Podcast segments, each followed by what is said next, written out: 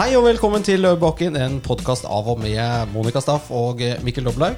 Vi inviterer i ujevne mellomrom med rykk og napp mennesker vi er, ønsker å bli bedre kjente, til hyggelig passiar her i flamboyante omgivelser på Frogner. Og i dag skal vi faktisk bli bedre kjent med en som er redaktør, forfatter, politiker, statsråd, barnefar, kulturkonsument og ifølge en del venner litt altmoders, altmoders men med en moderne vri. Vi skal altså bli bedre kjent med Torbjørn Røe Isaksen. Og eh, så skal vi også snakke om kanskje dette litt vanskelige ordet konservativ.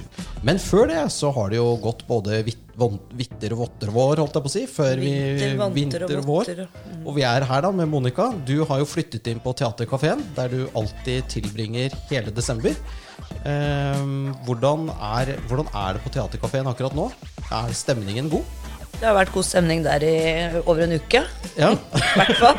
Men det er alltid god stemning der, bare ja. for å reklamere litt for kafeen. Ja. For det er jo en institusjon. Ja, Og ja, og de Jeg, jeg syns de er flinke med både mat og vin og stemning og det hele.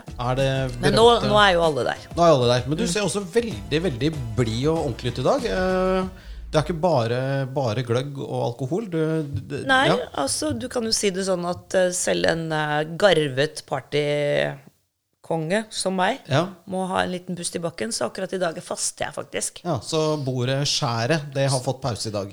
Skjæret har fått en liten pause. Det er det som er ved siden og av Carl Hvis jeg blir, er litt sånn hissig og sånn nå underveis, så er det fordi jeg ikke har fått mat siden i går. Vi skal få matet deg med masse gode intellektuelle ting i dag. Ja, men det høres ja. bra ut. Nei, jeg har til og med vært og trent altså med PT-en min. Oi, mm. veldig bra. Og jeg begynte å småprate, og så sa jeg at jeg Altså, Vi hadde en avtale om at jeg skulle sa jeg må bytte fordi jeg skal spille inn podkast, og det syntes hun var veldig rart. da. Hun kjenner sikkert ingen som spiller inn podkast. Så fortalte jeg om min makker, deg. Sa jeg jeg har Mikkel, han er min makker, og han er liten tjukkas. Ja. Så, jeg er jo liksom på sjette året med sommerkroppen. Du er sjette år. ja, Det er morsomt at jeg står opp klokken fem og går i den trappemaskinen. Det hjelper ingenting. Nei, nei.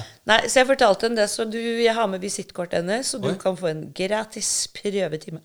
Gratis torturtime. Gratis tortur. Ja, det er tortur. Det er, det. det er ikke morsomt. Jeg skjønner ikke det. Jeg hater det fra start til slutt. altså. Ja, nei, men det, jeg, jeg, tror liksom eh, Jeg har jo prøvd det aller meste, så kanskje jeg skal Jeg vet ikke hva jeg skal gjøre nå. jeg.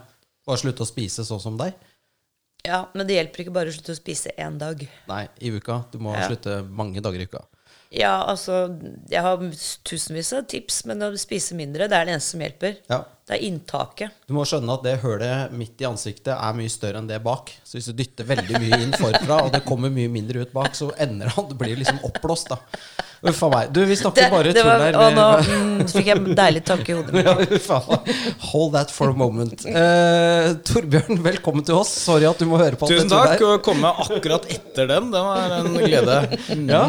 Hvordan er livet å komme Nå er du jo nå på podkasten Løvebakken, eh, men du har jo vært på den ekte Løvebakken. Det har jeg opptil flere ganger. Ja. Nei, jeg frekventerte jo Jeg har jo vært i politikken før jeg da gikk over i eh, pressen. da Nå, nå er jeg E24, så nå har jeg byttet ut mitt adgangskort på Stortinget med et pressekort på Stortinget. faktisk Stortingets presselosje, som det heter. Oi, det hørtes litt Er det litt skummelt? Er dere nede i en sånn Ikke noe sånn Frimurerlosjen, og du må ikke rulle deg i trykksverte eller uh, Jeg vet ikke hva de gjør i Frimurerlosjen. Skrive noe stygt om Sylvi Listhaug for å bli med eller sånt noe? Nei, det er heller ikke noe kriterium. Nei. Nei, her er det ganske stort spenn der. Jeg tror uh, sånn I Redaktørforeningen, som er mm. organisert, så er det jo alt fra Klassekampen til Dokument. Da. Ja, ja, det er det. Er det fri bar i presselosjen? Nei, det er ikke fri bar. Nei, det er Hvorfor ikke? Fordi at det er finansiert av redaksjonen og medlemmene. Selvfølgelig. Da. Det, det kan jo hende at det er Eller fri bar. Jo, jeg var på et julebord, men da betaler du jo penger for middagen først, da. Ja. Så det er jo ikke fri bar, det. Nei, på, hvis du drikker mye mer enn ja, du altså, du, du, kan selvfølgelig sitte og holde et regnskap da, og se at nå må jeg ta enda fire glass rødvin. Jeg spiste ingenting, så jeg kan få mer på bongene, liksom. Ja. Den er bra. Før i, i, gamle dager så hadde man jo Tostrup-kjelleren. Ja. Og der var jo Alle disse journalistene var drittings før i tida. Ja. De Men det var i gamle dager. For da gikk man ut Da gikk de ut uh, sånn etter at uh, papiravisa var satt. Ja. Så gikk de ut og tok en øl. Men nå er det jo ikke noe deadline for papiravisa. Nei. Eller det er jo en deadline for papiravisa, men det er jo ikke det viktigste. Så nå går man jo i, rullerer jo hele tiden. Ja. Syns skal folk, også mannlige journalister, skal hjem til sine familier i våre dager. Ja. Huttetu, hvordan det Men har blitt. Altså, det, og det har jo blitt uh, ikke sant? Og vi har jo blitt bortskjemt også med denne stadige oppdateringen. Mm. Uh, men jeg sendte faktisk en mail her forleden til nyhetsredaktøren i E24, Mina Liavik Karlsen, ja. og berømmet dere for at dere er raske på økonominyheter. Ja. Altså komme oppdatering, for jeg har jo DN og Finansavisen, jeg jobber jo med dette til daglig. Ja. Og det, de er treige. De det er jo det vi skal liksom- være best på. da Vi skal være, altså, vi skal være best på flere ting, men en av de tingene vi skal være best på, er at vi skal være raskest ute. Ja. Rett og slett. Så det er ikke alltid vi vinner disse pushkampene mot DN, men eh, vi eh, gjør det, gjør det bra. Altså. Men du er, sam, du er ikke økonomiredaktør? Eller hva nei. Så, nei. Altså, ja. altså, jeg eh, Nei, det er jeg ikke. Men altså, Jeg sitter jo i redaktørkollegiet og sånn, da. Men ja. jeg skriver jo kommentarer, da. Det er jo det som er mye av det jeg gjør. Og så skal vi løfte litt sånn analyse og forståelsesjournalistikken vår, da. Ja. Ikke, ikke, bare levere noe raskt, men gi innsikt også bakover på hva som skjer. Ja. Du, er du sint hvit mann som pusher 50, som blir holdt i øra nå, eller går det, føler du at det går veldig, bra? Jeg er ikke så veldig sint, men jeg er, har lenge vært en uh, nervøs uh, hvit mann på 78, har jeg egentlig følt meg som i 20 år. Oi! Ja, ja Du er en sånn, du òg. Ja, ja, ja, Jeg føler meg også noen ganger litt sånn gammel. Jeg er sint av og til. Jeg blir litt sint, men ikke så ofte. Ja, det er sånn født, i, født som en eldre herre. Ja. Jeg har en sønn som er sånn. Han ble født sånn. som en eldre herre. Ja, ja. Jeg ble i hvert fall ganske gammel veldig fort. Følte mm. jeg sånn fra Husker jeg var 30, da var jeg nok bare 30, og så ble jeg plutselig sånn 83 eller 78. Eller sånn. ja, det skjer de greiene der. Du ser veldig godt ut for alderen. Tusen takk. takk. Ja, men det, det, sånn, det, er ganske deilig hvis man er 83, og så ser man ut som man er liksom 40. Sånn Blir spurt om legg på polet. Men uh, Torbjørn, du nei, har Nå skal jeg spørre om noe. Jeg skal spørre om noe nå. Jeg kan mute deg. Du kan mute meg, ja. Men jeg gjør det ikke. Du blir ikke cancelled. Plutselig. uh, nei, fordi at Jo, altså dette um, har jeg fra informerte kilder, at du, du er uh, tidvis en 75-85-åring. Men at du har en liksom veldig dypt ønske om å være kul. Og at du har drevet med hiphop. Stemmer det? Nei, det er ikke riktig. Altså, jeg har ikke drevet med hiphop. Du dreiv med hiphop? Nei, altså jeg, har, jeg hører en del på hiphop. Uh, men uh, det er ikke noe sånn ut fra noe spesielt ønske om å være kul. Altså, jeg er jo en veldig kul person, så det er ikke noe, trenger ikke å Trenger liksom ikke å late som. Så, det, så det, bare så det er sagt, ja, liksom. Ja. Men drevet med hiphop? Nei, nei, det har jeg ikke gjort. Jeg har, du har ikke sunget eller nei, danset eller hiphop? Rappa, da, som nei, eventuelt, eller breaka eller noe sånt. Nei, det har jeg ikke gjort. Det er, dette er et sitat. da Samtidig har Dette er fra en venn av deg. Altså. Samtidig har han et dypt ønske om å være kul og er ganske langt inne i hiphop. Og hadde en tidlig fascinasjon for venstreradikale kulturbabes i journalistikken. Ok, Jeg vet ikke hvor god kilde det er. Det er noen i Resett, tror jeg. Hva da? nei, nei. Det er en nei, uh, gammel venn. Uh, men jeg har nok uh, vært litt sånn kultur... Altså, jeg har aldri jeg ikke, Når jeg sier at jeg brått ble, så betyr det at jeg har ikke, jeg er ikke liksom vokst opp med å høre på opera opera Nei. eller litt sånn Jeg gikk ikke i dress på videregående skole. Eller jeg gikk, da var det i så fall sånn Fretex-dress med sånne lange skjortesnipper og, sånn. Mm. Så det er, jo et, eh, det er jo et deprimerende faktum at de siste 50 årene så har jo liksom venstresida hatt den kule kulturen. Det er sant. Mm. Mm. Men det, det er kanskje sånn. er i forandring nå, kanskje? Nei, det tror jeg ikke. Nei, okay, men, greit. Nei, men dette dette har jo vi snakket om mange ja. ganger i mange sammenhenger her på poden, at de som eier liksom kulturen, mm. de, de, eier jo på måte, mange måter narrativet i samfunnet. Mm. For det er, det er, det er altså, den konservative siden har hele tiden hva skal jeg si under uh, jeg vil ikke. Vurdert, nei, nei. Undervurdert kulturens i, påvirkning. Ja, kanskje. Ja, mm. Innen in siste tid, i hvert fall. Ja, hvor flinke mm. Si venstresiden har vært til å ja. dominere kulturlivet. Eller men jeg tror, det, jeg tror det her altså, Nå er det kanskje ikke dette vi skal snakke om, da, men det her, altså for det første har det, jo, det har jo ikke alltid vært sånn. Ikke sant? Så hvis du, hvis du, går Og det kommer litt altså Jeg tror jo mye av, mye av populærkulturen er jo laget i opposisjon. Og det er klart at det å være i opposisjon mot noe som er etablert, det betyr jo automatisk at du blir, blir mer radikal, ja. eh, rett og slett. Og så har det noe med at vi eh, vi importerer veldig lett liksom, merkelapper og forståelseshorisonter fra USA. Og i USA så er da så er det veldig lett at høyresiden forbindes med den, liksom den kristenkonservative høyresiden. Eh, og det er selvfølgelig masse populærkultur rundt den kristenkonservative høyresiden også. Jeg husker da jeg var utvekslingsstudent i USA og hørte på sånn kristen black metal, ja, ja, ja. for eksempel. Oh, ja, ja. Eh, som som, som, som fins. Men, men, det er klart det er vanskeligere å lage bra eh, populærkultur med de rammene. Ja. Det er mye du ikke får lov til å si. Men det, det aller meste av kultur er jo, er, jo, egentlig ikke sånn eksplisitt politisk. Nei. Det vil jeg si. Nei, det er kanskje Nei, det er mer politisk styrt, kanskje. Det kan være gjennom Kulturrådet og sånn. Ja, nå, men, tenker men, på, nå, ja, nå, tenker jeg på, Kulturrådet og egentlig norsk, så norsk kulturliv. Ja, Nei, ja, ja jeg, jeg, jeg, føler, eller jeg tror nok uh, at Du skal ikke føle. Nei, jeg skal vite. Du skal vite. Uh, men jeg tenker um, det er nok som Torbjørn sier, at, um, at, kultur alltid lages i motsetning til noe. da. Ja. Så Hvis jeg tenker at uh, menn med hatt og frakk og bart på 50-tallet, som var veldig vanskelig og ikke ville noen ting og ja, alenemødre var fy, og gifte. Alt var veldig veldig klamt og tett. Og du fikk eh, den her, hva 1968-erne, og, mm. og, det var jo omtrent gatekrig i, i Paris osv. Og, så og får det en kultur som er mottrekk til det, da, ikke sant? som blir veldig Kanskje pendelen svinger helt ut. da. Ingen grensesetting, ingen normer osv. Fra et veldig sånn normstyrt samfunn.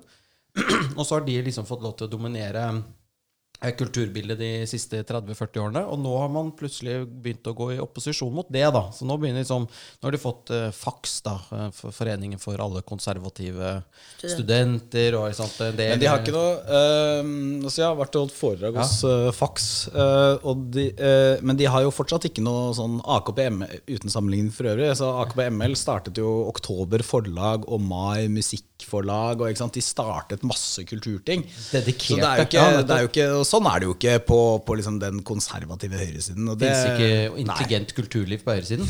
jo, nei, men, det men, det, er ingen som har, ingen som har startet sånn Man har ikke startet en, eh, et forlag eller et ja, uh, Musikkbrand? Men, men, det har, men det, har skjedd, det har skjedd en del ting, hvis man ikke bare tenker på musikk og, altså, eller visuell eh, kunst og sånn. Men jeg husker for 20 år siden så husker jeg snakket med en sentral mann i Forlags-Norge. Og så spurte jeg hvorfor gis det ikke ut flere bøker eh, altså sakprosabøker med type sånn høyre perspektiv, enten det var liberalt eller konservativt. eller noe sånt. Og så, var, så svarte han at jo, men høyresiden kjøper ikke bøker. Uh, og, og, det tror jeg var en sånn Oi. forestilling, mens det har jo endret seg ganske markant. ikke sant? Så nå er det ikke, det er ikke noe tvil om at det er masse marked der ute for forlag som finner gode bøker med altså Da er det veldig kjedelig med sånn programmatiske bøker. altså Hvis du bare skal som i og for seg er det jeg kanskje har skrevet. da.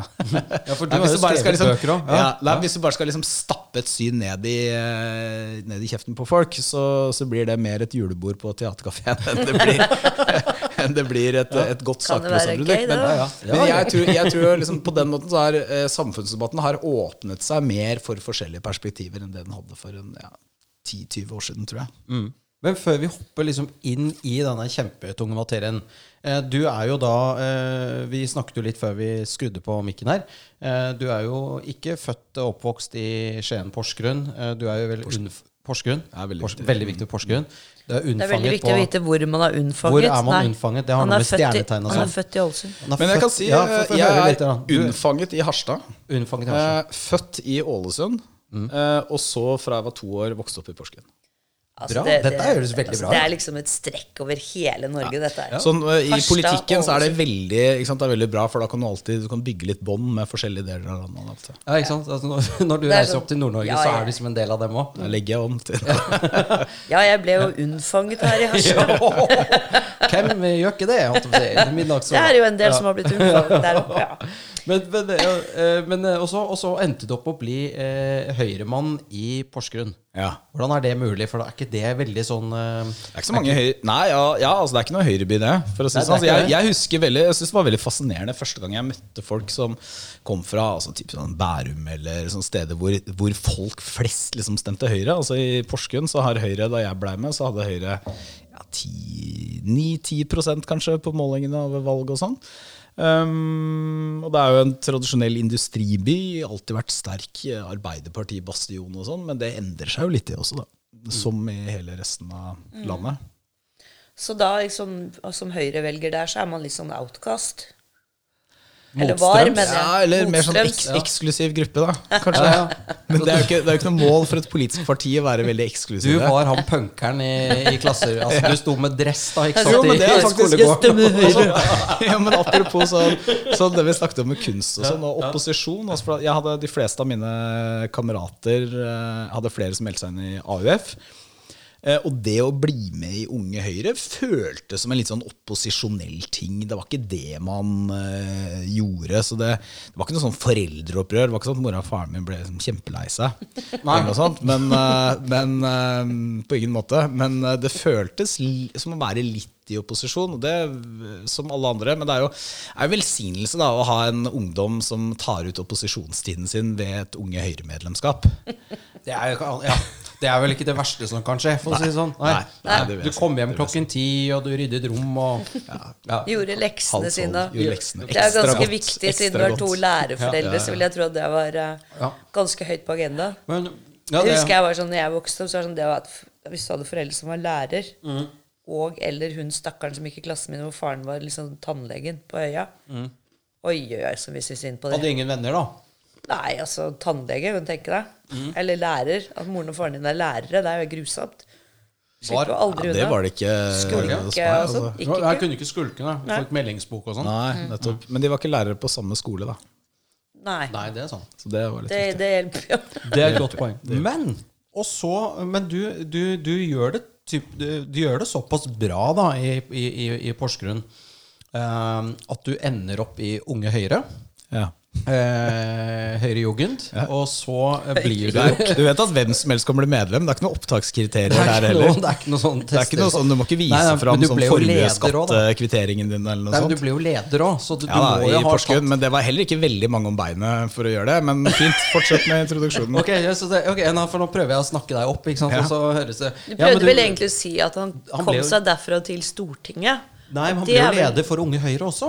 Ja. Og da tok altså selveste hele Norge? Hele Norges Unge Høyre-lag. Wow. Og da tok jo du innesvingen på alle disse Blærumsgutta i, i sånn KNS-blazer med gullknapper og silketørkle i skjerfen, og som het Hans Preben hele gjengen, sikkert. Ja. Hvordan i all verden klarte du det?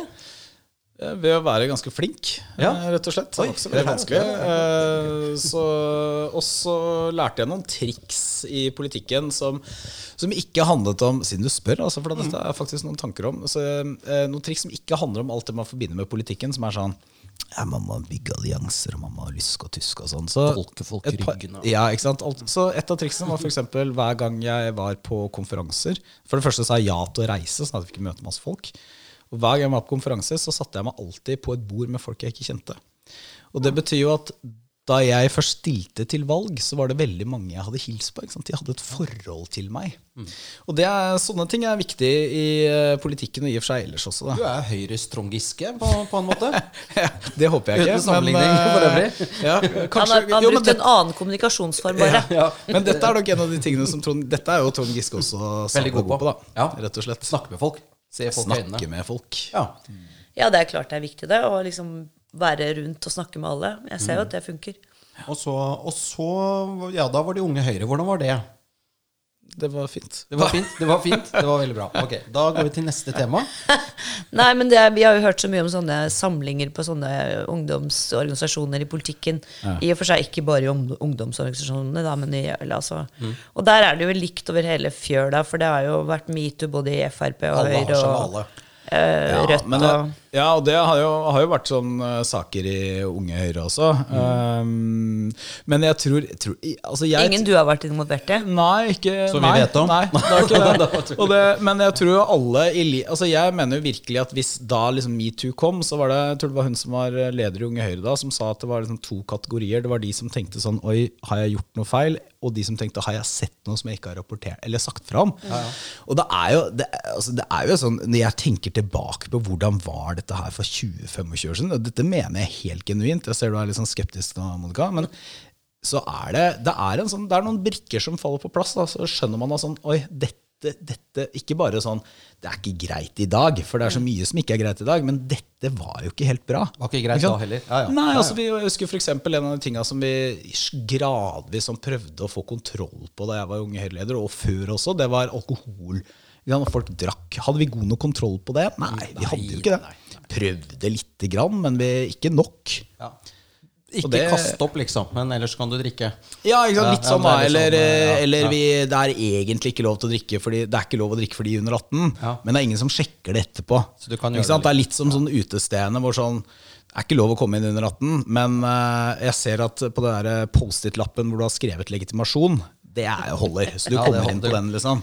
Men jeg tenker at eh, vi, vi, er jo liksom Vi er kanskje litt sånn gammeldagse. Jeg tenker at eh, Man syklet jo uten hjelm før og uten knebeskytter, og det gikk jo bra. Så det er jo det er ikke det. Har, samfunnet har jo forandret seg, da. Kanskje det er, det er, det bedre, men, men, det, men, det, går jo an å sortere disse tingene også. For det er, det, er mye som, det er mye som Eh, mye som uh, ikke nødvendigvis var eh, verre før. Mye som var bedre før, kanskje til og med. Men det er jo en del sånne ting som jeg syns, i hvert fall, når jeg liksom tenker tilbake og ser på dette, så er det jo kombinasjonen av livserfaring og at her har det liksom gått opp et lys for mange. da mm. Det er veldig viktig. Ja. Rett og slett. Ja, og det er klart, helt riktig som du sier, at det var nok også mer akseptert, eller hva jeg skal si. Er en del sånn tafsing ja, og den type ting for 20 år siden. Det var en annen, annen tid. Men det, og, og jeg syns det er veldig fint at man har liksom fått det på agendaen og fått det på bordet. At, og det, ikke minst at man kan snakke om det. Ja. Men det som jeg reagerer på, er den der veldig, veldig veldig sånn tynnhudede skal så veldig lite til før man føler seg krenket eller traumatisert. Og jeg tror ikke på alle de historiene, for å si det sånn. Neida. Og kanskje at man har brukt Ja. Nei, nå merker jeg, nå skal, gjorde du sånn tegn, så vi skal litt videre. På, ja, det er fordi det er Nei, men her mener jeg også det går, det går an å skille. ikke sant? Altså, det, det, er, det, er, det er ikke noe Du er ikke tynnhyda hvis du ikke liker å bli tatt på rumpa uh, av sjefen din på en fest. Det er sant. Nei, nei. Uh, rett og slett. Nei, nei så det, er noe Hold fingrene av fatet. Men, liksom. men, poenget er hvor traumatisert er du av det 20 år etterpå? Det spørs hva som har skjedd etterpå. Ja, ja da, det er sant. Men hvis ingenting har skjedd etterpå? Det var det, da. Okay. Nei, altså, jeg, jeg, bare tenker at det, jeg syns det er gjennomgående, og ikke bare i sånn metoo, men i veldig mange andre sammenhenger. Folk blir så ekstremt lett krenket av alt mulig og lager en stor sak av ting som jeg mener man burde ikke sant? Vi er litt grann mer fett på nervene enn det tror, Ja, men jeg tror, jeg tror, det er mye mer med en sånn altså, En ting er det altså, hvis du har opplevd noe som er altså, et seksuelt overgrep, eller enn si liksom en forbrytelse, en voldtekt, eller noe sånt. Men jeg tror også det er noe med eh, Jeg skal ikke undervurdere det at man, eh, man tenker på sine tidligere opplevelser. Mm. Eh, og så, så, blir de liksom sterke, selv om det er 20 år siden. Mm. Så jeg, jeg syns ikke det er så rart. Altså. Så er det sånn selvfølgelig sånn, ta, For et presseståsted så må jo øh, Det betyr jo ikke at alt, enhver anklage med metoo foran, eh, automatisk skal tas for god fisk i den forstand at det liksom settes på trykk. eller noe sånt. Og det har vært grove saker, f.eks. i Sverige så var det jo, var jo en som tok livet sitt, blant annet fordi eh, han ble Altså, de ble dømt, Aftonbladet. Ja, ja. Eh, så man skal være varsom med det. Men jeg synes allikevel sånn, det er et eller annet med man må time sin problematisering. Da. Så jeg syns i sum bra, men det betyr ikke at metoo er liksom hevet over diskusjon. I hvert fall ikke hvordan vi har håndtert dette sånn i offentligheten etterpå. Mm. Det, er Nei, det er godt sagt. Det er det. Og så er nok vi i en tid av altså Jeg bare tenker på Bård Tufte Johansen og Otto Jespersen og hvordan de holdt på på 90-tallet. Ja eh, med ironi og sånn. Altså, det var helt, Vi lo jo masse av det da. Mm. I dag er det helt utafor. Altså, samfunnet forandrer seg på hva, hva, som er greit og ikke greit også. Og hva man kanskje lar seg provosere av. da. Ja, åpenbart. Men, men, det har blitt mye men, mye vanskeligere å være komiker, i hvert fall. Veldig veldig mye vanskelig. Veldig vanskelig å være oss. ja. men, men, men, du var jo ikke bare, du var ikke bare leder i Unge Høyre. Du var også redaktør i Minerva. Ja, og den gangen var vel ikke Minerva så veldig stort? Det var, et, var det, det var deg? Nei, ja, det var jo omtrent det, og noen til. Det var Nikolai Astrup og Nils August Andresen og jeg og liksom noen til som skulle Egentlig så var ikke tanken at vi skulle lage noen nettavis. eller noe sånt. Vi skulle rett og slett lage litt sånn intellektuell tidsskrift. så dere tre kunne kose dere med? som vi kunne lese. og, slekt, og, slekt, og venner. Ja, eller var det et uh, forsøk på å lage intellektuelt liv på høyresiden? Jo, men det var jo akkurat det. Ja. Og der, og det det var, Dette var jo om det var før Civita, før Altså det har poppet opp veldig mange forskjellige miljøer. Da. Du nevnte Fax i sted. Nå er det mye sånn kulturkonservative tidsskrifter. Det er noe som heter Sivilisasjon, det er noe som heter Mensch-magasin. Så det skjer, det skjer, eh, en del ting på jeg kan kalle det liksom veldig brede høyresiden, eller konservative, liberale miljøer. Da. Men det, dette var en periode hvor det var veldig dødt. da. Jeg husker det var, det var, noen som prøvde Jeg tror det var Dag og Tid som hadde en eh, sånn stor artikkel. Eh, Morgenbladet hadde en sak om fins intelligent liv på høyresiden. Dag og Tid prøvde å finne en borgerlig orientert samfunnsforsker. De fant selvfølgelig Janne Haaland Matlari også den gang, men ingen flere. Nei, Det er vel bare henne fortsatt, omtrent? Nei, det er, er det dette, ja da, dette endrer seg. Men du vet, gode samfunnsforskere går ikke med liksom hva de stemmer for, stempla i panna. Det skal de ikke gjøre. Nei. Nei, og så er du ikke sikkert det har noe altså Hvis du er forsker, så bør du vel være objektiv til alle mulige innspill og sannheter. Mm. Så, da, ja, ja, ja. så da trenger du, selv om du kanskje Stemmer liker det, mm. det partiet bedre. Ja, så, så, må du ikke la forskningen din farges av det, da. Nei. Nei, det skal du ikke gjøre. Nei. Men det har jo kanskje litt å si Det er ikke noen tvil om at sånn, det, det, det, kan prege du, hvordan du formidler, f.eks. For Pluss at mange forskere mener jo også ting. Og det er helt legitimt, det er så lenge du er klar på hva som er fakta-fakta, og hva som er mer sånn forskningsbasert synsing. Mm.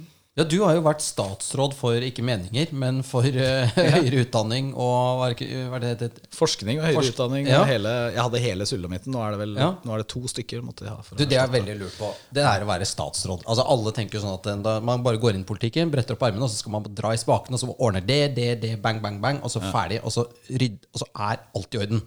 Men sånn er det vel ikke? Nei, sånn er det ikke Hvordan er, var møtet ditt med politikken? Det, altså i hvert fall Nå er det jo litt statsråd, er jo litt annerledes, da. Men da mm, Nei, det, var, det, er jo et brutalt møte. Men jeg tror hvis du ikke skjønner etter hvert Hvis det ikke går opp et lys for deg etter at du har blitt statsråd, etter en måned eller to, eller noe sånt, så blir du en veldig dårlig statsråd, tror jeg. Men er det sånn da at du kommer inn eh, tidlig om morgenen, og så sier du alt som skal gjøres, og så sier de ja vel, ja vel, statsråd, og så skjer det ingenting? En, hvis du er en veldig dårlig statsråd, så gjør du det. Ok, Hva er forskjellen på god og dårlig? Nei, altså det er forskjellige måter å være en god statsråd på. Men eh, en av dem er jo at du da nettopp ikke går inn og sier sånn det og det og det og det, men at du prøver å Dette er vel som i andre deler av samfunnslivet. Da, du prøver å bygge litt lag. og Embetsverket behøver ikke altså Det er irrelevant for meg hva de måtte mene personer, men de er jo der for å gjennomføre en regjeringspolitikk. Og Det betyr at du, du må klare å skape engasjement okay. eh, i en organisasjon. Og Det er sånn at det verste embetsverk vet, det er ikke at det kommer inn en Frp-statsråd eller en SV-statsråd, for å ta to ytterpunkter. Det er hvis det ikke skjer noe. Hvis det ikke skjer noen ting, hvis de har svake statsråder eller statsråder som ikke klarer å ta beslutninger eller dytte prosesser fremover, det er det verste et embetsverk vet. Nå står jo du på utsiden, så nå kan vi snakke litt om regjeringen nå kanskje litt etterpå. Men, eh, men jeg bare tenker på dette med å Er du på jobb Måtte alle statsrådene være på jobb klokken seks? Altså, hvordan er det dette fungerer? Det er svarte biler, Nei, du kan sikkert være på jobb klokka Jeg tror ikke det er så mange dyre dresser i norsk politikk. Det er vel C-manuell eh, rundt omkring. Får man sånn klesgodtgjørelse? Nei. nei. Nei, det forklarer det. Jeg syns det forklarer saken. Ja. Nei, jeg tror det er eh, det, Dyre dresser har det aldri vært mye av i norsk politikk. Eh, og det burde man ikke ha heller i norsk Nei, politikk. Det er, er grisete business. En dress, ja, kanskje. Mm. Minerva har en sånn der, eh, apropos, eh, Minerva har en sånn eh, motespalte som går gjennom norsk politikk, hvor de alltid anbefaler sånn tørkle. Og det er veldig fint med sånn tørkle i dresslomma. ikke sant? Jeg ville aldri hatt det da jeg var i politikken, fordi at det tørkleet det signaliserer noe som du ikke har lyst til å signalisere.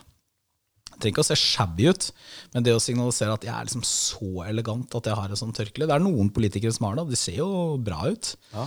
Jeg har vært litt skeptisk til det. Altså. Ja, vi, det, down, altså. ja, men det er jo Jeg syns jo Vi kan jo snakke mer om denne regjeringen etterpå, men mm. det er jo to som skiller seg veldig ut der når det gjelder å kle seg, og det er jo Anette Trettebergstuen. Meget elegant alltid. Mm. Sammen med eh, Emilie Enger Mehl. Mm. Og, og, særlig hun som er justisminister, at hun kler seg litt til embetet. Jeg synes liksom det, synes det, det inngir jo en slags autoritet. Ja. ikke sant? Og hvis du kommer i sånn nuppete genser eller sånn poncho, sånn som hun Marte Mjøs Pedersen på første debatten, når hun var olje- og energiminister en liten stund Det er jo liksom bare sånn Du får jo ikke noe ikke sant? Altså det, det er, Du fremstår jo ikke med autoritet, da. Du bør jo helst ta rollen med litt autoritet og vise at dette kan jeg og ha liksom, Respekt for jobben din, kanskje? Ja, og litt rak i ryggen. Ja. Ja. Så det er mer det jeg tenker på når det gjelder å kle seg. Men, men det burde man, eh, man burde kle seg liksom proppert og basert på anledningen. Det er mm. viktig. Og det er veldig mange som blir, Det husker jeg sånn, da jeg kom på Stortinget. Der, der Av og til så kommer det jo sånn folk som prøver å ta det samme som Rødts Erling Folkvord i sin tid. Han gikk jo konsekvent i sånn bussrull ja, og ville stemmer. ikke ha på seg dress og slips og sånn. Nå er faktisk Rødt-representantene nå tror jeg har lagt bort det. Og det, en av grunnene er jo at når folk besøker Stortinget, så vil jo Det er litt høytid, det. det, er det. De, de fleste i Norge syns det er noe høytidelig med å komme på Stortinget. Og da det, hvis alle representantene går rundt i liksom, joggebukse eller T-skjorte, eller bare det de har slengt på seg på morgenen, så viser jo det, da viser det også til folk at dette tar vi egentlig ikke så alvorlig som dere gjør. Og det skal man ikke gjøre. Det er et meget godt poeng. Ja, nei, det er et veldig godt poeng, og jeg syns at det har veldig mye å si. Det er akkurat som du, du pynter deg til bryllup og begravelse ja. og sånn. Altså det, er, det, er, på en måte en er, du, du, gjør det ja, ikke fordi man, du er en snobb, men for at du skal liksom ja, For å skape en bestemt stemning. Der. Ja, og hvis ikke, hvis ikke familie eller avdøde ønsker noe spesielt, så stiller man i mørk dress ikke sant, og, og, sort i en begravelse. Mm. Og det er som du sier, det skaper en stemning. og en ja, selv i en sånn sammenheng så er det jo en, høy, det er jo en høytid. Mm. Men skal vi, før vi tar, skal vi gå over på litt konservatisme? Skal vi sånn, sånn hoppe over på det? Ja, liksom, det er du som bestemmer her, tydeligvis. Altså. Ja, ja, ja, det er jeg som bestemmer. Jeg må sitte med sånne punkter, punkter nedover. Jeg. Ja, det er, så, det er så fint, det er så forberedt. Det er, er alltid like imponerende. Check, ja. Konservatisme, kan du komme med definisjonen? Nei, Jeg aner ikke. Det er derfor vi har eksperten her. For han har til og med skrevet bok om det. Mm. Ja. Hva er det å være konservativ? Er, er, er ja det, det, det, problemet man har skrevet bok om nå, det er at da klarer man ikke å gi de korte svarene lenger. Men uh, det er én veldig god uh, sånn setning som er en engelsk filosof som heter Michael Oakshot, som sa at å være konservativ det er å foretrekke det kjente fremfor det ukjente. Og så sier han at det er å foretrekke latter i dag framfor en eller annen utopisk drøm. Det er kanskje en viss sånn oppsummering av det, men, uh, men sånn, den andre måten å si det på, litt mer sånn statsvitenskapelig, er konservatisme er en politisk ideologi, en av de tre store sånn, sammen med liberalisme og sosialisme, som i motsetning til da liberalismen og sosialismen, så er den opptatt av å bevare noen trekk ved det eksisterende samfunnet, snarere, å, snarere enn å endre. Og så og er det, det er liksom masse liksom kjipt, å si. Da. Det er, det, og det, er, det syns alle er forferdelig. Så for at i dag så er jo nesten det å være konservativ er jo nesten et skjellsord. Ja, det er i hvert fall ganske misforstått, da, og det, og men det er jo ikke så rart, det heller. For vi bruker det på to forskjellige måter. Vi bruker det også, både som en sånn eh, altså Vi bruker det om, som bare sånn forsterkende ord eller beskrivende ord. F.eks. snakker man av og til om konservative kommunister i Kina. Hvem er det? Det er, eh, det er de mest Mao-tro. De hardcore marxistene de beskrives. Eller det konservative prestestyret i Iran. Det hører vi ofte i disse dager. Mm. Og det er jo ikke så mange jeg skjønner det at folk i Norge ikke har så lyst til å være på lag med mullaene og ayatollahene. Ja. Nå har de jo lagt ned dette politiet sitt. Kanskje. Konservative politi. Nei, nei, det er um, Moralpolitiet. Moralpolitiet. Ja, vi får se, da. Sier de, da. Ja, de sier det. Nei da, så det blir jo konservativ en beskrivelse av noen som ja. er ekstrem i en eller annen retning, ja. uavhengig av Nettopp, om det er kommunist eller sosialist ja. eller, så, at, eller eh, nazist eller fascist eller Eller at man bruker litt sånn til hverdags sånn konservativ klesstil eller konservativ språkform eller konservativ investeringsstrategi, mm. f.eks. Da er du forsiktig. Det, ikke sant? Da er du forsiktig. Mens det jeg snakker om, er jo en politisk konservatisme mm. som er veldig bred. Det er veldig mange forskjellige strømninger, og sånn, men som har som sin kjerne da, at man, man, er skeptisk til store, radikale endringer. Da. Mm. Ja, ja. Nei, og det altså, du kan jo det er jo en del av det. Og så er det det å være konservativ. Er liksom det å, å, kanskje beholde altså Det er jo normoppløsning. Mm. Du snakket om dette. Liksom, alt skal være lov. og ingenting, Det er jo ikke noen regler for noen ting lenger. Og da tenker man at liksom, noen normer og noen regler er det fint at vi beholder. Mm for å holde samfunnet eller få det i en retning. For jeg tror det er veldig få konservative som vil ha det akkurat sånn som vi hadde det i går. Ja. Ja, sånn hatt og, fra, hatt, hatt og frakk 50-tallet. Det er ja. ikke, det, er ikke ja. det man vil. Og, og hvis, du, hvis, du, hvis, du, er en type som helst vil skru klokka tilbake, kanskje, og si at det var best på 50-tallet, og vi burde rigge politikken vår mot I Norge så vil jo det være da Einar Gerhardsen kombinert ja. med strengere sosiale normer. Stengt butikker, langåpent til klokken tre og sånn. Så, så, er det vel over på det reaksjonære, nesten. Da er du reaksjonær, ja, vil du skru ja. klokka tilbake. Ja, det er det sånn fy-fy med farvetau, vil ha tilbake sukkerstau. Ja, vi har åpent etter klokka tre. Vi erkjenner at synda har kommet til verda, men vi vil ikke ha den i farger. Så Einar Førde sa. Det er jo veldig, Einar Førde tror jeg var en skikkelig Han, han kunne jeg godt tenke meg å ha med meg på teaterkafeen. Han tror jeg var ordentlig morsom. Ja, helt, helt fantastisk. Ja. Men det er jo Men jeg bare tenker på det altså, Er liksom Høyre et konservativt parti, eller har de nå Eller er det noen forandringer i norsk politikk? At det nå Altså, det, det beveger seg seg? At KrF kanskje er konservative? Ja, altså jeg vil si at det er eh, sånn konservative elementer i flere norske partier, egentlig. Eh, men uh, Høyre er det eneste partiet som sånn har kalt seg konservativt, men så har man ofte da slengt på liberal-konservativ. Jeg må bare ta en lille reklamen da, akkurat nå og si at jeg har skrevet en bok som heter 'Hva er konservatisme?' på Universitetsforlaget, hvor jeg skriver litt om alle disse tingene. Kommer den ut nå? Nei, den er ute. Den, er ute. den burde du kjøpe. Mikkel. Det er julegavetips. Den, er julegave. Den, er, den, er, ganske god, men jeg skal si det selv. Ja. Eh, men, eh, men, men så, så, så, er det åpenbart også konservative elementer i eh, Senterpartiet, f.eks. Åpenbart konservative elementer i Kristelig Folkeparti. I deler av Fremskrittspartiet er det konservative elementer. Hvis du snakker om en ren sånn systembevarende konservatisme, så vil man jo kunne si at Arbeiderpartiet også er det til en viss grad, men det blir litt sånn utenfor det jeg mener er konservatisme i politisk forstand. da. Men, men ja, jeg bare tenker på disse journalister og sånn. De er alltid så veldig sånn på hugget på alle som kaller seg konservative. Er veldig negative til det. Er det for at de ikke kan noe om det, da, kanskje? Jeg er ikke sikker på om jeg, jeg, er ikke sikker på om jeg syns at, at Kanskje jeg var litt sånn Nei, litt for, Nå har jeg gått over i pressen. Ja. nå, ja, du, nå sårer du gjesten vår. Det er ja, veldig dårlig gjort. Ja, krenket og ja, går, men um, Nei, men jeg tror det er, ikke så, det, det er jo ikke så lett å altså det, er jo, det er jo åpenbart Så sitter du altså, sammen med de andre journalistene, eller har du fått og, en egen ja, ja, nei, konservativ avdeling? Er noen egen konservativ avdeling, men det er klart det er ganske stor forskjell på Uh, ta to uh, Kåre Willoch kalte seg konservativ. Det gjør også Hans Rustad i Document. Mm. Uh, det er ganske stor forskjell på innfallsvinkelen til de to, ja. for å si det forsiktig.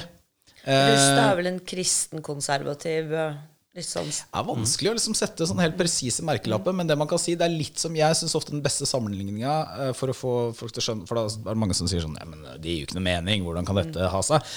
Det er litt som hvis vi snakker om sosialisme. Ikke, ikke, snakker om sosialdemokrati og radikalsosialisme og sånn.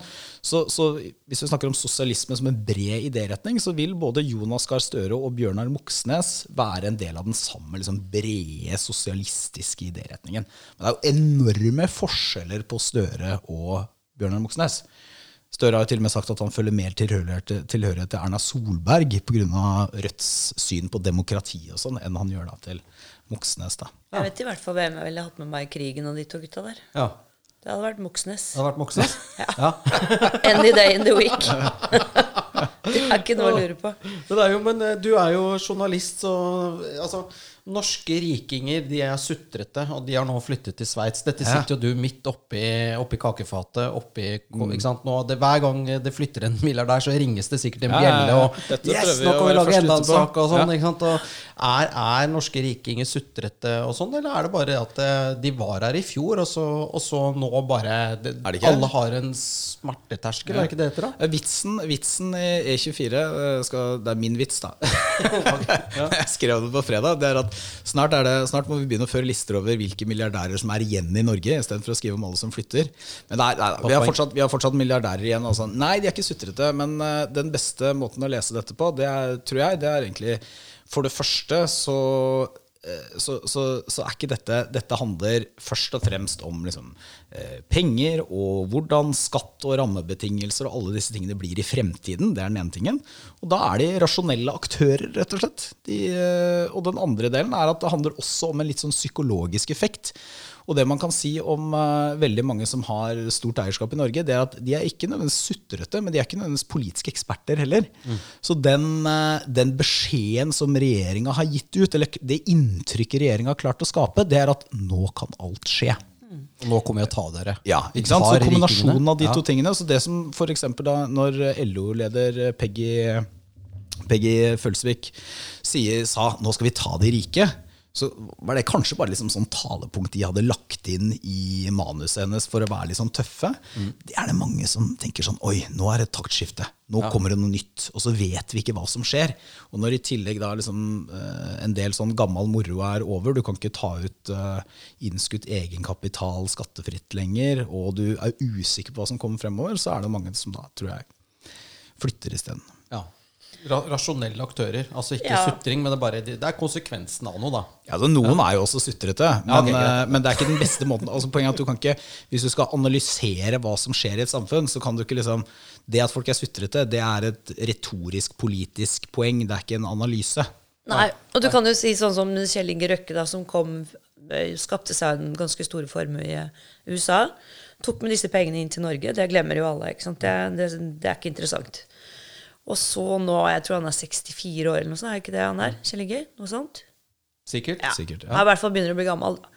Og så tenker jeg skal ikke han få lov til å flytte hvis han vil? Altså Den der hetsingen. Mm. Og, og, så tenker jeg at han gjør jo det for å slippe å ta 1,2 milliarder ut av Aker hvert år i utbytte. For det er ikke bare han som skal ha utbytte, fordi at alle må jo behandles likt. Ja. Sånn at uh, det kan være like mye kjærlighet til det selskapet han har bygget opp. Og mm. hvis han bare hadde ønsket seg å være rik, så kunne han gitt seg for 30 år siden.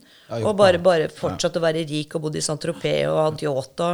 Så det er jo helt klart, Han er jo en industribygger. Ja. Og han skal gi bort eh, store deler av formuen også. Jeg, men jeg tror det også er en sånn helt sånn villspor. Altså det, det kan være noen elementer av det, selvfølgelig, men poenget er at dette handler ikke om og det tror jeg alle skjønner. og det er liksom Rødts poeng er sånn Hvor mange milliarder trenger du for å kunne leve et godt liv? Mm. Den grensa har alle disse folka gått over for lenge, lenge siden. Ja, ja, ja. De vil nesten uansett hvordan det går, så vil de kunne ha det godt personlig mm. eh, for resten av sitt liv og ha godt for barna sine. og sånn. Men, men, dette selskapselementet det er selvfølgelig viktig. Men så, så, blir det debatt rundt når folk flytter. Det skulle bare mangle. Men spørsmålet er hva vi som samfunn gjør med det. da. Ja, for Er ikke det litt problematisk nå? Altså sånn, uh, det, er jo, det, det er jo formuesskatten. fordi at det at du da kan som utenlandsk eier slipper unna den, så gjør det jo at sant, du slipper å ta ut 1,2 milliarder av Aker da, hvis det er eid av en utlending. Mens hvis det er norskeid, så må du ut med den formuesskatten hvert år. Er det, en, det, er jo der debatten har gått i mange år med dette med formuesskatten, som er konkurransevridende. Mm. Samtidig som veldig mange på sosialdemokratisk side sitter og skriker og hyller for at norske selskaper blir eid av utlendinger, og at vi selger ut Norge og dette her. Men det er jo en naturlig konsekvens av at de har et konkurransefortrinn som mm. utenlandske kjøper av et norsk selskap. Men, det, det, så, ja, det, men det, det, som vi kommer litt sånn inn på nå, er kanskje med regjeringen og svake statsråder og litt sånne ting som skjer. Eller eh, det jeg er litt redd for, er at eh, de nå har liksom satt seg i hodet at nå skal de bare gjøre det for enhver pris. Og det er litt sånn gått litt sånn prinsippet det. Det er mye følelser, det er mye sutring man skal ta. Sånn, og så kommer du til et punkt, altså point of no return. For de som flytter, de, de kan jo hende at de flytter hjem igjen. Men det at er Erna Solberg, hvis hun i det hele tatt blir statsminister om fire år, det, det betyr ikke automatisk at eh, Høyre setter ned formuesskatten med 0,2 promille, og så kommer Nei, alle tilbake. Og så tror jeg, heller ikke, jeg tror heller ikke at, at det er den eh, formuesskatteskjerpelsen i seg selv som gjør at så mange flytter nå. Mm. Jeg tror det er kombinasjonen. Og det, det, det, tror jeg er veldig viktig. at jeg, um, Usikkerheten, og det er mye på inntrykk. Mm usikkerheten er en minst like viktig faktor som det, hver enkelt skatteskjerping i seg selv. Altså Nå er det formuesskatt og det er utbytteskatt. så Det er det ene. Det andre er at det er en del sånn gammel historie her også. fordi at uh, Det blir litt sånn teknisk. Da, poenget at Mange har, bl.a. Røkke, da, har kunnet være nullskattyter i mange år fordi han har skutt inn egenkapital i selskapet, og så har han hentet dette ut igjen uten å betale ut, utbytteskatt, mens mm. nå er det ferdig. Så et vindu som har vært veldig gunstig for mange, lukker seg også. Mm. Og kombinasjonen av det, pluss når det i tillegg rasles med sablene på sånn exit-skatt og hva skjer der, så betyr det at signalet er litt sånn eh, Hvis du skal flytte, så burde du gjøre det nå, i hvert fall. Før mm. det kommer noe mer. Mm. Ja, det, og det, det har nok veldig mye med det du sier, fordi at dette med forutsigbarhet har jo vært veldig viktig. ikke sant? Og der har jo Arbeid, Arbeiderpartiet har jo tradisjonelt vært et eh, næringsvennlig parti, industribyggende parti og mm. forutsigbare rammebetingelser. Og det, når du snakker om de som driver business sånn som Røkke gjør, så det er 100% pragmatisk. Ikke sant? Det er ikke basert på noen følelser. Det, er liksom, det skal være sånn på topplinjen, bunnlinjen. Tjener du ikke penger, så gjør du ikke det. Og da må du Da må du gjøre noe annet, eller gjøre det på en annen måte. Mm. Men det er klart at sånn innskutt egenkapital er jo ofte ferdig beskattede penger som du putter inn i et selskap. Fra før også, i tillegg? Ja, ja jeg driver litt med det, det selv. og putter inn egenkapital. Så tenker jeg det er faen meg penger jeg har skattet av. Skal jeg putte inn det, jeg skal ta det ut igjen, skal jeg skatte en gang til? Til ja. Sånne ting blir man faktisk ganske sånn ja. Er det mulig, liksom? Men jeg tror Du, du sa at uh, Eller vi har snakka om sånn inntrykket som er skapt av at uh, nå, er det, nå kan alt skje. Ja. Ja, og selv de som ikke blir ramma av lakseskatten, så plutselig kommer den, og mange oppfatter den. Det mener jeg er en dårlig oppfatning. Altså det, at det skulle komme som noe sånn julekvelden på kjerringa, kan ikke jeg skjønne. Altså det, det, er mer størrelsen. Ja, kanskje det. Jo, men altså at, at, at det ville komme sånn, syns ikke jeg var så overraskende. Men mm. poenget er at jeg tror at for regjeringspartiene nå så tror jeg de også er bekymra for at de har ikke skrudd til for hardt, men at de har skapt for mye usikkerhet. Ja. Eh, rett og slett. Eh, og det er veldig interessant å se at uh, i budsjettforhandlingene nå så gikk jo SV inn med et veldig klart krav om høyere skatt på typisk høyere omfordelende skatt, for det ønsker de, og det er et selvstendig poeng for dem at de som er rike eller har høy lønn, skal betale mer, men fikk veldig lite Eh, det ble ikke noen store skatteskjerpelser, eller det ble to milliarder eller noe sånt. Eh, og det betyr nok at Arbeiderpartiet og Senterpartiet holdt litt igjen. Så jeg tror at eh, regjeringa også, pluss at også i Arbeiderpartiet og Senterpartiet, så merker de jo at dette er jo ikke bare ikke bare de aller rikeste som flytter ut. Dette er også sånn som skaper uro rundt om i små og mellomstore og passe store bedrifter rundt om i hele landet. Så, de, så jeg tipper at regjeringa nå vil prøve å liksom dra dette litt ned igjen. Det mm. betyr ikke at det er slutt på skatteskjerpelser, for det vil nok komme noe også i åra som kommer. Men de vil prøve å skape mindre usikkerhet, i hvert fall. Eh, eh, hvorfor blir det mer skatteskjerpelse, tror du? Fordi at, uh, Av to grunner. For det ene fordi at de vil omfordele. Ja. Altså det, det, har de gått til valg på. Uh, og det andre er at de uh, trenger penger. De trenger penger rett og slett. Til hva da? Til alt. ja, altså det er, jo, det er jo en av de store bekymringene også. Det er at vi har 66% av BNP er offentlig sektor. Ja, litt lavere, tror jeg. Men, ja, det er, eh, rundt der. Og ja. Når de bruker f.eks. 8 milliarder og 20 år på å utre det syke nye helikopteret, sykehelikopteret, som det er så topptungt at det hvelver, og, og du må lage nye, nye helikopterattrapper på alle norske sykehus. Og det hagler, altså det blir slått inn vinduer i nabobyggene, og folk blir revet ut av sengene sine. Ja. Altså det, er så, det, er så, altså det er så sykt ja. å høre på at det går an å bruke så mye penger. Da men, men det er for at vi har for mye av det? Nei, men Da setter du ned et eller annet utvalg og så begynner du å bygge opp en organisasjon som skal sitte og finne ut av dette helikopteret. Og for å rettferdiggjøre din egen stilling så må du helst finne på noe. Du kan ja, ja. ikke sitte der og ikke finne på noe.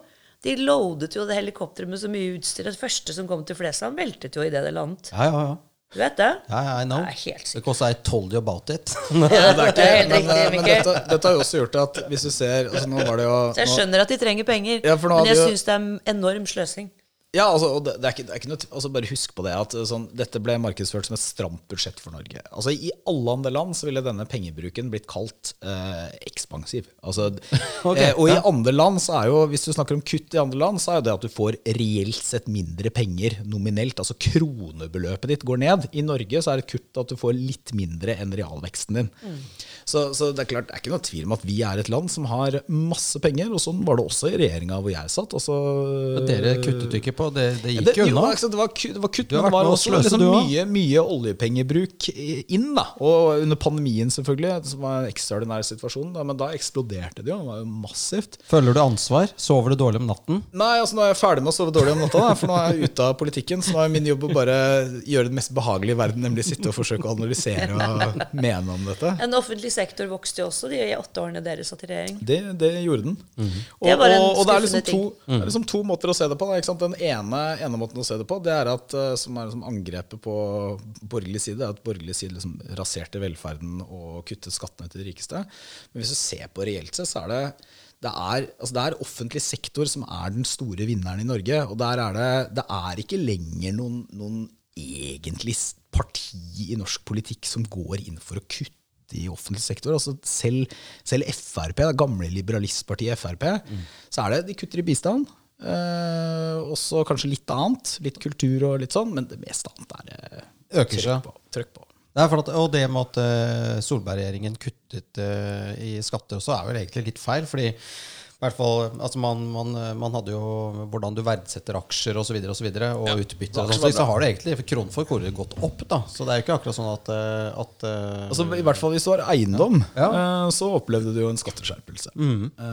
Så det er fornuftig. da Vi har altfor mye penger investert i eiendom i dette landet. Mm. Altfor gunstig å putte penger i eiendom. Ja, hva tenker du om det, du som journalist i Næringslivsavis? Blir det crack? på eiendomsmarkedet? Forhåpentligvis blir det bare justering nedover. da mm.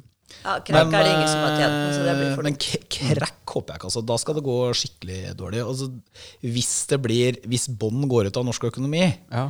eh, i en tid med energikrise, så kan det mye til at bånd går ut. Men vi har jo også masse penger å måke inn i økonomien også. Ok.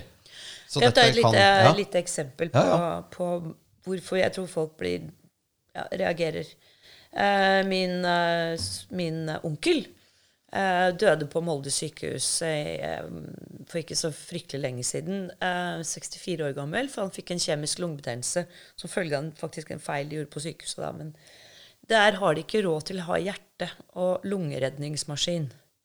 Det, er, det, de, har, de, har, ikke råd til å ha det på Molde sykehus. Så etter noen dager så blir han da fløyet til St. Olav i Trondheim, hvor de har det, men da var det for sent for han. ikke sant? Så han døde 64 år gammel. Og, jeg, og det er vel omtrent samtidig, tror jeg, når Jonas Gahr Støre dro, dro, bort til Glasgow med 14 milliarder ekstra i baklommen til det klimatoppmøtet. Altså, jeg, altså, For meg så blir det bare sånn Er dette for slags opplegg? Hvorfor tar man ikke og fikser de tingene der først?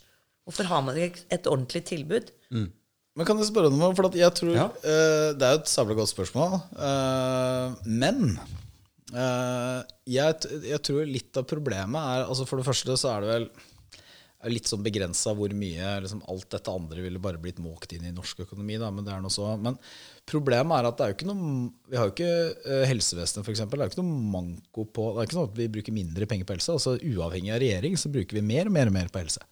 Men det er jo nesten et utømmelig behov. For det er nesten umulig å altså hvordan, skal man, hvordan, skal man, sette en grense for type helseutgifter? Altså Vi gjør det jo.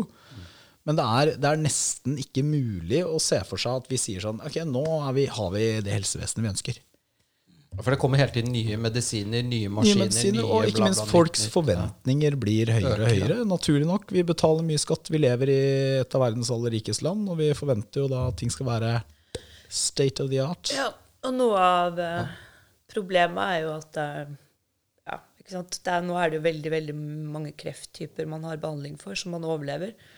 Altså det, det, det, er flere, ja, det koster, flere av oss blir pasienter, prostatakreft f.eks., ja, ja. som ikke ble altså, Nå er det jo monitorering av alt mm. mulig. Mm. Og prostatakreft er jo en av de typer kreft Hvis du får det litt sent som mann, så dør du ikke av det, dør med det, og du vet kanskje ikke at du har det engang. Mm. Men nå behandler de det fordi at du monitorerer, og da får du en del sånne, pas, sånne pasienter inn i systemet da, som ikke hadde Kostet si, noe før. Trengt å være der. Ja, ja. Men det gjenstår likevel. Men jeg er likevel enig i sånn grunnpoenget. Det er at vi bruker veldig mye penger i Norge. Og vi har blitt vant til å bruke veldig mye penger i Norge. Og langsiktig sett så er det vanskeligere for oss å fortsette å bruke like mye penger de mm. neste 20 åra som de foregående 20. da.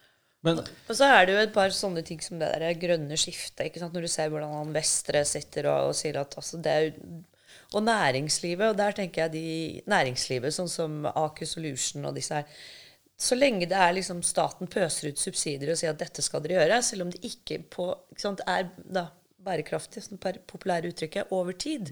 Som business. Ja. Så får de de subsidiene. Da setter de opp en business. Og så, altså, det er så mye hodeløst fjolleri. Ja, nå er du veldig går, sint. Hva? Ja, du er veldig irritert på ja, det. Jeg lov til ikke å være så sint. Stemmer det. Ja, jeg, jeg, har ikke spist i dag, så bare poenget, poenget med, dette kan bli verre. At, uh, jeg tror alle er villige til å betale skatt. Det er bare man ser at pengene blir brukt på ja. noe fornuftig nå. Det er vel kanskje det, det, det, det bunner ut i. At når du ser helikoptre som ikke kan brukes på sykehus, elektrifisering av så Altså, bare brukes penger, sånn, sånn tullegreier, da.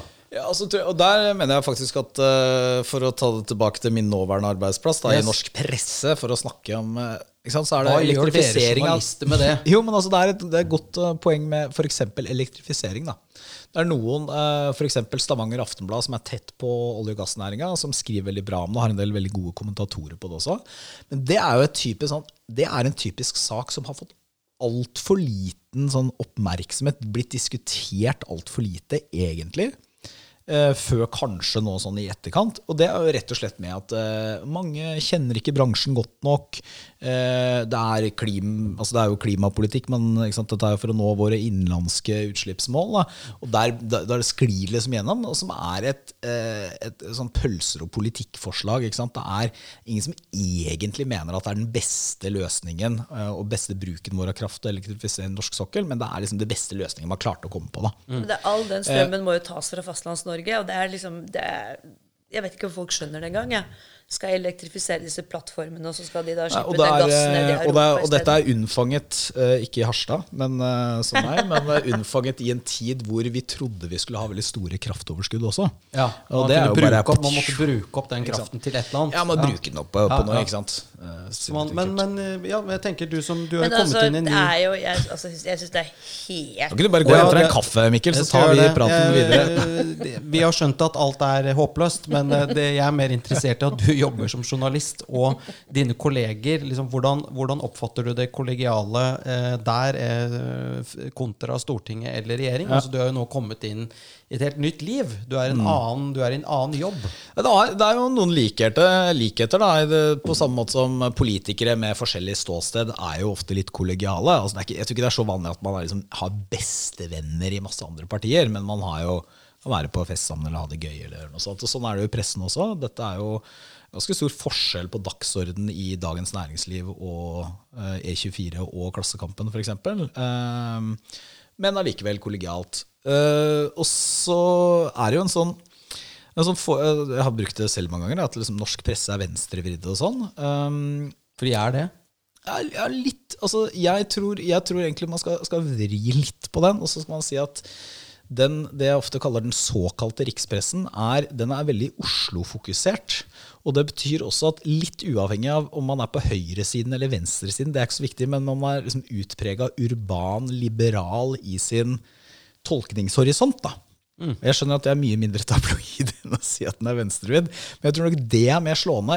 Hva, hvis du ser på undersøkelsene, Hvem er det som er underrepresentert blant journalistene når man ser på hvem de stemmer på? Egentlig ikke så mye Høyre. altså Rødt og SV og sånn er ofte litt overrepresentert. Men det er type Senterpartiet og Frp. De er underrepresentert. Hva er det som kjennetegner ja, Teigen, da. Espen Teigen. Ja, Espen Teigen da, Som holder, holder liksom skansen. um, ja. Nei, men Hva er det som kjennetegner de to partiene? Jo, det er at de har, særlig Frp, tror også Senterpartiet, har f.eks. lavere utdanningsnivå blant velgerne sine. De bor oftere utenfor de store byene. Eh, også større i, på bygda og tettsteder og distrikter og sånn. Og det er den type perspektiver som er eh, underrepresentert. Da. Det er to ting. Eh, når Frp kom i regjering med, med, Høyre, så jeg har også hatt det inntrykket som du sier, men jeg var veldig imponert over nivået de hadde på sine ministre. Ja, ja, det, det, var veldig veldig bra. Jeg var mm. veldig imponert over De fleste, i hvert fall. Ja, så å si samtlige.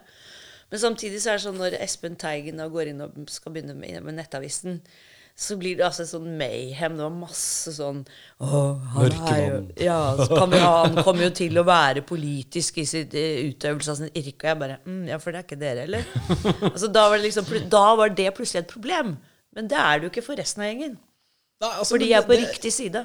Ja, men det, altså det, det, kan være noe der, men jeg tror ikke For det, det, er, ikke noe tvil om at hvis du ser på norsk presse, så er sant, sånn, flere journalister stemmer til venstre enn stemmer til høyre. Men jeg tror likevel ikke det er det Det, det preges ikke. altså uh, Min beste anekdote fra politikken, for øvrig Per Sandberg, husker jeg var helt enig, i, det var jeg likte godt å bli intervjua av Klassekampen. Ja. Eh, og hvorfor det? Jo, for det, var, det er et journalistisk produkt. Eh, jeg visste at de refererte meg godt, og de var interessert i det jeg hadde å si. De skulle ikke til og med reklamert for dem? Ja, til og med reklamert for dem. Eier en aksje i Klassekampen. Oi, oi, oi. Eh, jeg husker Per Sandberg jeg snakka ja. om dette, og han sa akkurat det samme. Eh, så, så, eh, så, jeg tror mer det handler om sånn hvorfor Husker da jeg var skoleminister, så ble jeg ofte veldig irritert over at det var så veldig mye diskusjon om skolene i Oslo. Veldig lite diskusjon om skolene i Finnmark. Skolen i Finnmark gjør det, gjør det, ikke så veldig bra. for å si det sånn. Hadde det vært i Oslo, så hadde det vært masse avisoverskrifter, men det blir ikke sånn. Så jeg tror, eh, tror, tror ikke det er så altså, Eller det er ikke sånn at man sitter sånn Vi er venstresidepresse, og vi skal lage Sånn er det ikke. Men jeg tror at eh, alle vi som bor innenfor liksom en radius i denne byen, og flere bor vest i byen, f.eks. enn øst i Oslo, og sånt, har et sånn bestemt sånn urbant, liberalt perspektiv. Og noen kan stemme til høyre, og noen kan stemme litt til venstre. Men det er noen ting som forener. da. Mm. Jeg tror det er viktigere for å skjønne pressen og pressens svakheter enn akkurat dette at du skal liksom få inn flere Espen Teigner. Da. Selv om han klarer, Det oppsiktsvekkende med Teigen var jo ikke at han gikk inn i Det gikk jo bra, han gikk inn i pressen, sånn som jeg gjør, men han gikk jo tilbake igjen, og så gikk han inn igjen i pressen igjen. Det, det er Veldig ikke så rar greie. Ja, det er litt kult òg. Må oppdatere seg på hva som skjer på, på, på Stortinget. Eh, hvis jeg sier på, For du er jo litt sånn glad i sånn Dostojevskij og gamle bøker ja, ja, ja. og sånn. Jeg fikk, fikk litt eh, Monica har gjort eh, extensive research på deg. Eh, hvis jeg sier da det er vel på latin Gamle, støvede filosofer. Gamle, støvede filosofer. Men hvis jeg sier på latin nolo episcopari Oi, ja, den klarer jeg ikke. 'Jeg vil ikke bli biskop'. Ja, nettopp. Og Da penser vi liksom over til Skal du være journalist resten av livet, eller kan vi se et comeback i Høyre? Der du går inn, og vi får en regjeringen i saksen, og du ja. blir landsfaderen som nå tar det konservative du, fanen det, og jeg vet, maler med bred pensel her. Ja, det er veldig ja. bred pensel. Ja, nei, men eh, sånn, for, Nå som du er journalist, så kan du være helt ærlig. Altså, hvis du er politiker, så må du si nei, selvfølgelig skal jeg ikke bli leder. Men nå er du journalist, og nå kan du si hva du vil. Ja. Nei, jeg har, har ikke tenkt det, altså. Rett og slett. Kors på halsen? Ja, ti kniver i hjertet. Kors på halsen, ti kniver i hjertet. Okay. Hva skjedde? Betyr, Nei, altså det jeg har jeg, ble, altså jeg hadde veldig mange gode år. Jeg hadde jo brukt mesteparten av mitt voksenliv i politikken. Sånn, jeg meldte meg ut av Høyre da jeg gikk over E24. Jeg var ikke noe bitter eller var sånn 'nå gidder jeg ikke mer', eller hadde ikke fått mulighet. Jeg hadde masse muligheter, og sånn, men jeg var litt mett av politikk, rett og slett. Mm. Litt mett av politikk. Litt mett av å alltid skulle være på svarsiden.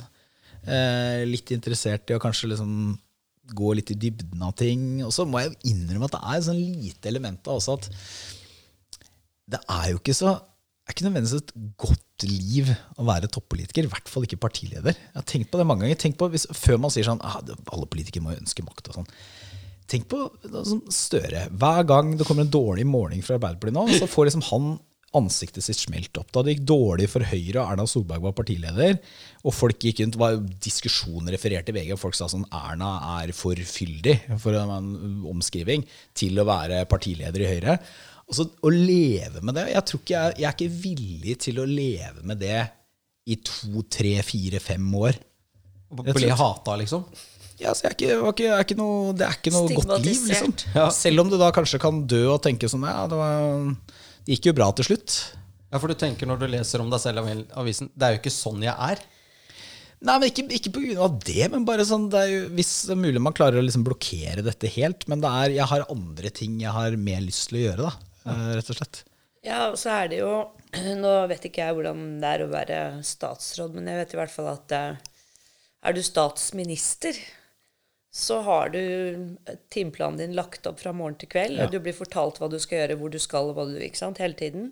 Og det er klart at det, det, det, blir veldig slitsomt over tid. Og det er sånn hvis du har lyst til å ta deg en kveld på teaterkafeen og har lyst til å gå på det nachet, kan du ikke gå på det nachet, bør heller ikke gå på den kafeen. Så det er veldig sånn begrensende på mm. den måten, da. Og siden alt foregår i denne byen her, så er det jo så veldig gjennomsiktig hvis man ja, gjør noe dumt, sånn som Giske. ja, ja. At alle, alle ser det. ja. ja. Uh, men, og dette lærte jeg av Julie Bråttkorp når hun var stabssjef for, um, for, Erna og co. At uh, når du sitter i posisjon, da sitter i regjering, så er du nødt til å ha uh, faktabelegg for det du sier. Mm. Så vi kan ikke gå ut og, Erna kan ikke gå ut og si et eller annet sånn bare som hun antar. Hofta, hun må liksom. ha faktabelegg for det. Mens opposisjonen kan komme med alt mulig bullshit de vil. Ja. Ja, de det, bare og, det, og det, var, det var veldig sånn god opplysning for meg. For jeg tenker at det er klart det. Kan, da må du være veldig ansvarlig. Ja. Du er jo helt annen liksom. faktakontroll dette på regjeringa. Mm. sånn er det jo litt som statsråd også. Ja. klart det.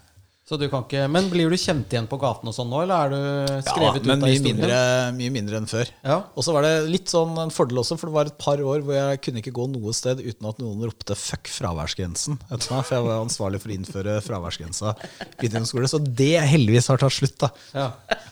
Jeg får av og til meldinger om det fortsatt, og da sier jeg sånn Nå er det noen andre som er ansvarlig for dette, så ta det med dem. Ring, ring dem istedenfor. Ja. Og så har du jo drevet en uh, Instagram, eller driver en Instagram-konto som kanskje har gjort at uh, du også ville blitt gjenkjent. Ja, altså, men folk husker jo lite grann. Men altså, det jeg merker, er at det var, sant, det var, mye flere yngre folk som kjente meg igjen da jeg var utdannings- eller kunnskapsminister. Så nå er det litt mer sånn på gammel nostalgi. Pluss at jeg er jo av og til i eh, Ikke til forkleinelse for denne podkasten, men jeg er jo også av og til i andre etermedier og annet. Mm. Som har litt bredere nedslagsfelt enn, enn det vi har. Som er enda bredere nedslagsfelt enn dere har. Ja. Men, eh, men, ja, vi begynner jo å nærme oss på en, en, god time her. Men er det ja, altså, livet da videre Kommer du til å skrive flere bøker? Skal du være Prøver å skrive en bok uh, til som ikke skal handle om konservatismen. Okay. For da jeg skrev denne boken 'Hva er konservatisme?', som du nå må kjøpe, Mikkel, siden du ikke hadde kjøpt den. Ja. Skal du gi meg julegave? Ja. Uh, så sa kona mi Hæ, har ikke du skrevet en bok om konservatisme før? Og det har jeg i og for seg. skrevet to andre Var det Høyre om det? Ja, ikke sant? gjennom Høyre og en sånn artikkelsamling om konservatisme. Så, så, nå handler det om noe annet. Nå handler det om um, et, det vippepunktet vi står i akkurat nå. Okay. Som er uh, rett og slett at uh, verden de neste 30 årene kommer til å bli grunnleggende annerledes enn verden de foregående 30. Og det handler om alt som er, altså Dette er alt det bakenforliggende. Sånn økonomisk uro, Kinas vekst, sikkerhetspolitikk, turbulens internt i våre egne samfunn. Vi går over nå i litt sånn extended version. Dette er interessant, for ja, dette må vi faktisk vi snakke om. Jo, så vi gir en dispens her når vi kjører ja, på. Vi hadde jo Asle Toje hos oss nylig på kontoret. Ja. Og han mente jo at i løpet av de neste 30 årene så ville India ta over som ledende stormakt. Altså veldig mange interessante ting som gjelder geopolitiske eh, bevegelser. Men så er det, og så er jeg interessert i ikke bare Det kan godt hende kanskje Asla har uh, rett i det. India er i hvert fall sånn, altså det er jo en milliard mennesker, det også. Uh, mye mindre. altså Det er fortsatt en mindre økonomi enn Storbritannia, deres tidligere koloniherre. Tenk på det. Mens Kina er jo massivt mye større. Men det interessante synes jeg, det er hvordan påvirker dette oss også på andre områder. Så se på f.eks. Nå har uh, nå har USA og Biden kjørt i gang en sånn massiv subsidiepakke for å bygge bl.a. som microchip-industri i USA. Eksplisitt, eh, eller kanskje ikke så eksplisitt, men altså alle vet at dette er pga. Kina. Mm. Da Huawei plutselig ble liksom nærmest kastet ut av Storbritannia og flere andre land, så var det eksplisitt sikkerhetspolitisk. Veldig mye av det som driver staten, altså når staten på mange måter nå er tilbake Eh, på en annen måte enn under Reagan og Thatcher og også Gro Harlem Brundtland og Jens Stoltenberg, og sånn, så er det veldig mye drevet av eh, at sikkerhetspolitikken og dette bildet gjør at eh, du ser på handelspolitikk på en annen måte, du ser på det å bygge innenlandsindustri på en annen måte enn tidligere. Ja, du, og Kina er jo ganske hard på både lobbying overfor Saudi-Arabia og mange andre mm. kanaler for ja, å, å, torpedere dollaren som reservevaluta i verden. Det var, Xi var i Saudi nå. Mm. Ikke sant? Nei, for Jeg bare hørte en, en pod der du snakket om eh, mammastaten og pappastaten. Mm. Og at eh, staten er tilbake, men nå er det ikke mammastaten som er her lenger. Nå Nei. er det pappa som kommer inn, og nå er det slutt på, ja. nå er det slutt på vafler og kaker og, og og kos og gøy og moro, liksom. Ja, men bare tenk på og Dette er jo ting jeg har skrevet om i E24 og skriver om jevnlig. da, og jeg hadde en, og det hele, altså Mammastaten er jo da den myke staten. Det er velferd og helse og skole. og disse tingene. Pappastaten det er forsvar og lov og orden. og sånn. Mm. Og bare tenk på, nå har, nå har, vi altså Etter den kalde krigen så har nesten alle land i verden eh, kuttet militærutgiftene sine. sånn sakte og sikkert. Nå skal de opp, opp, opp. Det må de, helt uavhengig av hvordan det går i Ukraina. så skal de opp. Ja må jo tas fra et sted. Eh, hvis vi skal bygge mer industri, som er en sånn kan si, litt sånn sikkerhetspolitisk, nasjonalt og nasjonal og statlig skal man være forsiktig med å si, men altså det er jo, men det skal være, du skal ha kontroll på det. Ja, du skal ha kontroll på det. Så kommer det også til å kreve masse penger. Uh, og det er, det er, en helt annen måte å tenke på enn vi har gjort de siste 30 årene. Eh, og Det betyr egentlig at, eh, at når staten er tilbake, så, så, er det mange som på venstresida som har liksom jublet fordi at nå er liksom det neoliberale paradigmet kanskje går mot slutten. Mulig det, men det er ikke sikkert at de får den staten de hadde ønsket seg. Nei, de får den strenge, myndige staten. Litt, fenrik, litt som Fenriken. litt som, som Fenriksen som, som har skrevet i Du har sett på Fenriksen, ja, Fenrik Aker, som ja. for øvrig var mitt befal i Garden. Fikk vi var hans første første drillkonto inne. Så det, ja, det kjenner meg veldig igjen av den. Han lykkes jo ikke så godt der, da. Nei, jo, jeg, teller, jeg sorterer fortsatt posten min eh, og sorterer sokker og Nei, det, han har hatt en altfor stor innvirkning på livet mitt. Da jeg så han på, på TV-skjermen, så fikk jeg faktisk litt posttraumatisk eh, eh, opplegget. Det var jo helt vilt. Ja, men Da er vi tilbake til dette som Torbjørn snakket om. Da er du veldig moderne. For, veldig moderne. Nei, ikke, at men, men, 20 år etter så kan en sånn hendelse faktisk utløse. være vanskelig og tung å tenke på. Ja. Men, han, men, men, poenget var bare sånn til pappastaten at nå er det jo lærere sånn, som skriver sånn Ja, kanskje norsk skole må bli litt mer som fenriken. Mm. Eh, og alle plutselig er helt enige at disiplin er jo egentlig bra, og det er jo bra at folk kommer tidsnok til klasserommet. Og, men vet du hva, nå merker jeg at dette kan jo bli ja, ja, en helaften. Ja, nærmest. Men for, bare for det Jeg, jeg syns det var en eh, Det der med norsk skole og den der eh, disiplinen altså Jeg tror at det, det, har alltid, apropos konservatisme, som vi snakket, der, snakket om i stad, det har alltid ligget der hos folk. Så folk flest har aldri tenkt at sånn jeg, jeg må bare la ungene få La dem skrike og la dem banne og holde på, så utvikler de seg selv og finner sine egne grenser. og sånn og jeg opplever at da, da, jeg begynte å besøke skole i 2013, så så jeg at veldig mye av det som ble regna som veldig utdatert på 80-tallet, da jeg var barn, f.eks. at man reiste seg når, når, reiste seg hver gang det kom en voksen inn i klasserommet, at læreren sto og håndhilste på alle elevene når de gikk inn. Alle de tingene var på mange måter på vei tilbake. Ja. Så det er interessant det der, altså, at det er sånne pendler, eh, svinger, og i veldig mange norske skoler nå så er det Kanskje ikke så mye på videregående, men i hvert fall fra barneskolen av, så er det en helt annen sånn eh, det er ikke disiplin som det var for 40 år siden, men man er opptatt av disiplin også. Man kaller det kanskje noe annet, men normal høflighet. da, Folkeskikk. Folkeskikk, ja. Det har ikke gått av moten. Nei. Det er, eh, det er jo kanskje godt å høre. Folkeskikk har rett og slett ikke gått av moten. Eller kanskje? Jeg vet ikke. Nei. Vi får se. Nei. Ja, Men da, vi, da, da ble det 1 time og 10 minutter. Og det er jo extended version. Det er veldig bra. Tusen takk for at du kom. Og Monica, har du noen tips til de som da ennå ikke har Eller ja, eh, noen som har juleforberedelser på TC og sånne ting? Hvis de ikke får bord der? Tenker på bakst og sånn? Nei. Ja, ja. Nei, jeg syns vi skal avslutte med at det er sunt med folkeskikk. Ja, tusen takk for Også på Theatercaféen. Ja. Etter klokka 11.